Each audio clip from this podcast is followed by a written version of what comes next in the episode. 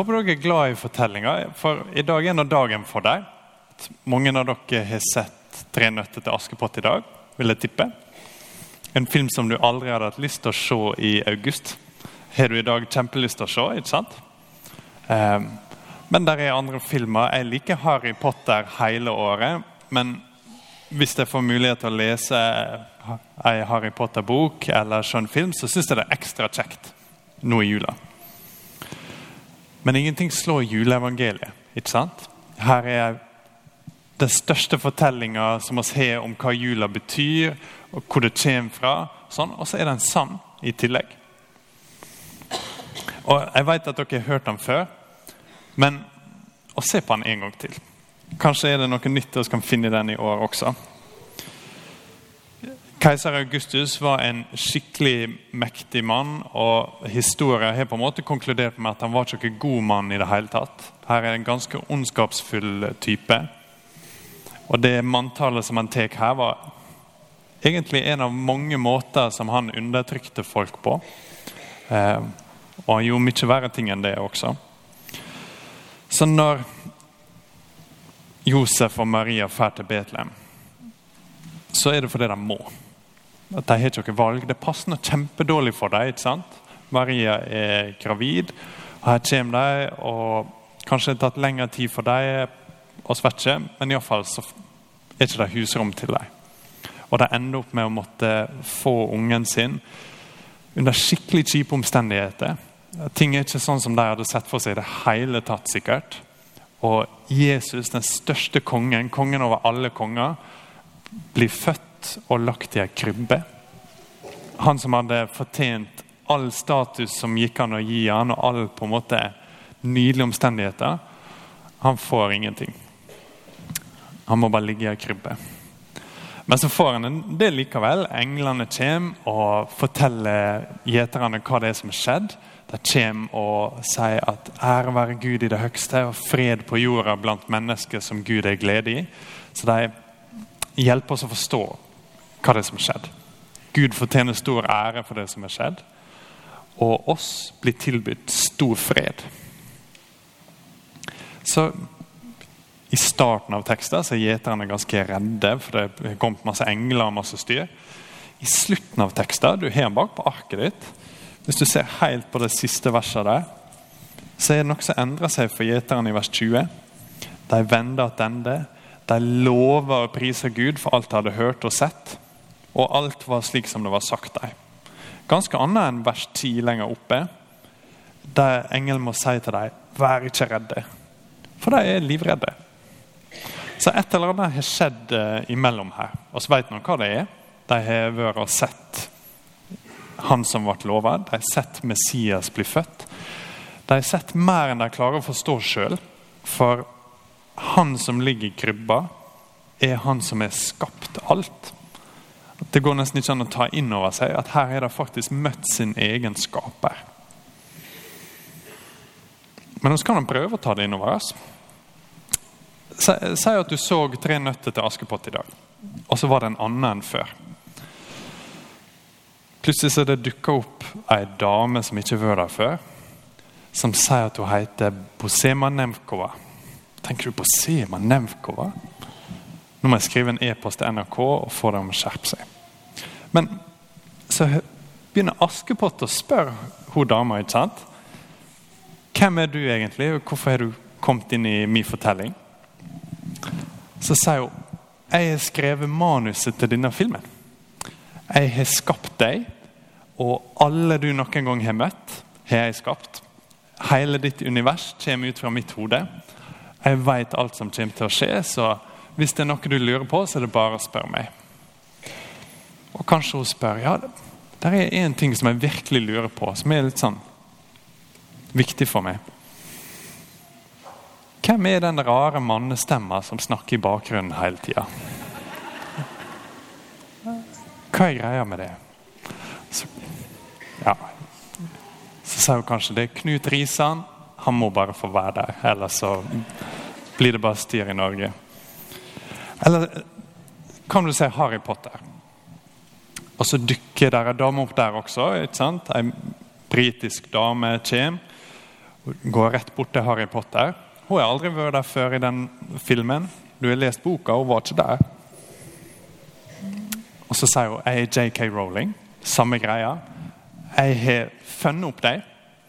Jeg vet alt om deg. Jeg vet mer om deg enn deg sjøl. Jeg vet de tingene som ikke kommer i boka.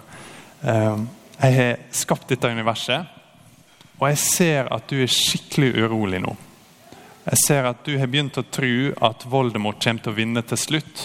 At du kommer til å dø, og alt kommer til å være slutt. Og Harry Potter, jeg har ikke lyst til å gi vekk slutten til deg, men jeg vil bare si at alt kommer til å gå bra til slutt. Sant? Hvis det hadde skjedd, hvis forfattere hadde begynt å skrive seg sjøl inn i fortellingene, og de de møter i fortellinga, hadde forstått hvem det var de møtte Tenk for et sjukt inntrykk det hadde gjort på dem. Hvis Askepott virkelig forstår hvem hun har møtt, og hvis Harry Potter virkelig tar inn over seg og tror at oi, nå har jeg møtt min egen skaper, så vil sånne ting som at alt kommer til å gå bra, slappe av, vil få en helt annen betydning. For hvem som helst kan da si det. Ta det med ro, alt kommer til å gå bra. Men hvordan vet du det egentlig? Det er litt annet hvis du har skapt alt.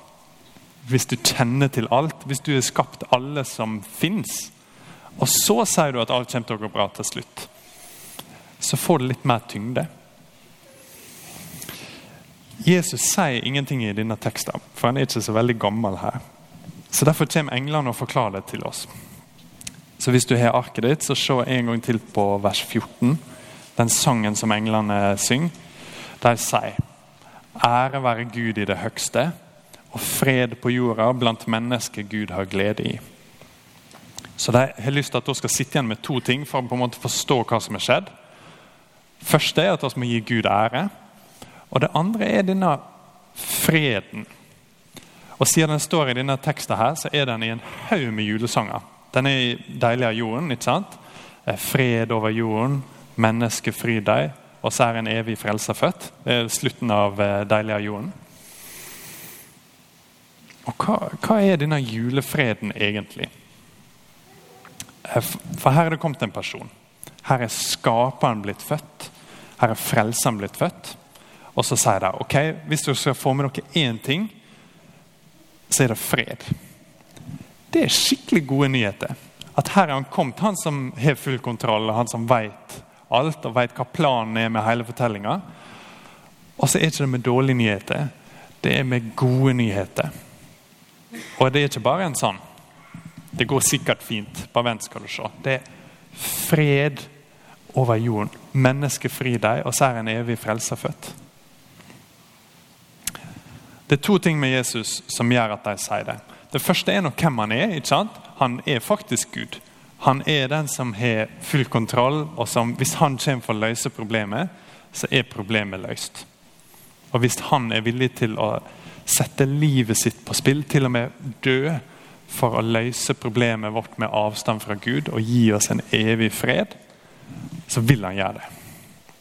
Så bare hvem han er, at han er så stor og så bestemt på at dette skal han gjøre, det i seg sjøl fikser problemet. Det andre er at han faktisk gjør det. Så får bare hint om det i denne teksten. Eh, det står 'fred på jorda blant mennesker Gud har glede i'. Men vi får ikke forklart her hvordan det skal skje. Men det går an å jukse og lese litt fram i fortellinga. Så blir Jesus voksen så dør han på korset. Så står han opp igjen fra de døde. Han seirer over døden. Og så går han rett til sine venner, til disiplene. Og Det første han sier til dem, er 'fred være med dere'. Så går det en liten stund, og så sier han det igjen. Og Det virker som om det er helt fremst i Jesus sin tanke om hva det er han er kommet for å gjøre, er at han er kommet for å gi oss fred. Og akkurat i dag er det egentlig en dag der jeg har ganske lyst til å kjenne på det. ikke sant? Eh, Iallfall er det sånn med at jeg håper at jeg kan kjenne litt på julestemning etter hvert. At av og til så er den der. Jeg tenker at Hvis jeg får spist rett mat og vært med rett folk, og at det kanskje begynner å snø litt og blir sånn passe stille, da senker det seg en julefred. ikke sant? Og så sitter vi og smiler litt sånn fjernt. Men så vet vi oss at det er mange som ikke har det sånn. Det kan hende du ikke har det sånn i det hele tatt. Jeg kjenner folk som har fått jula si ødelagt i det siste på ulike nivå. Noen med små ting, at kanskje ja, bilen ble vraka og det ble en jobbreise rett før jul. Så det er litt stress, ikke sant. Og så kjenner jeg andre folk der på en skala fra 1 til 10 av hvor gale ting kan gå, så er det gått 10. Det er gått så gale som det kan. Rett før jul. Og alt er ødelagt. Og så skal du liksom synge sanger om fred og glede.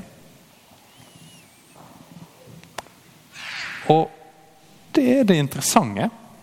At i begge de tilfellene som jeg tenker på, så er det folk som synger de sangene, som virkelig kjenner på en fred som kanskje er større enn noen av oss hadde tatt inn over oss. For ja, det er veldig bra å gå for julestemninga og vanlig julefred med at ting klaffer og at folk blir glad for pakkene. Ta alt du får av den freden i kveld. Men ikke bli for fort fornøyd. For jeg har akkurat sett i teksten her at her er det tilbudt oss en kosmisk fred. Her er ikke det bare litt fred fordi det er en kjekk dag. Her er det fred fordi universets hersker og skaper har kommet til oss.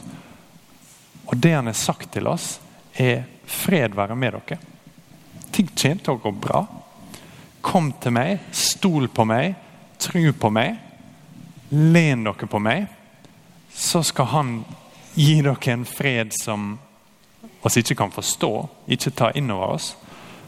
Som kan være der enten om i kveld blir en god kveld, eller om det blir en skikkelig dårlig kveld som kan være der om januar blir en god måned, eller om det blir en skikkelig tung og mørk måned. At her er det en fred som er utenfor alt vi er vant med. For her er det kommet en som er utenfor alt vi er vant med. Her er Gud kommet sjøl. Så i jula, når du ser disse sangene, når det ordet dukker opp igjen og igjen, igjen på radioen eller det å synge, så sier ja takk. Jeg kan gjerne ta fred. Jeg vil gjerne ha den vanlige freden som, som jeg håper for. Men jeg vil gjerne også ha den superfreden. Den freden som tåler de dårligste dagene. Som kan være der til og med når jeg er trist eller når jeg har det tungt. For mennesket fri deg. Fred over jorden. Mennesket fri deg. Oss er en evig frelse født. La oss be. Gode Gud, gi oss den freden. Amen.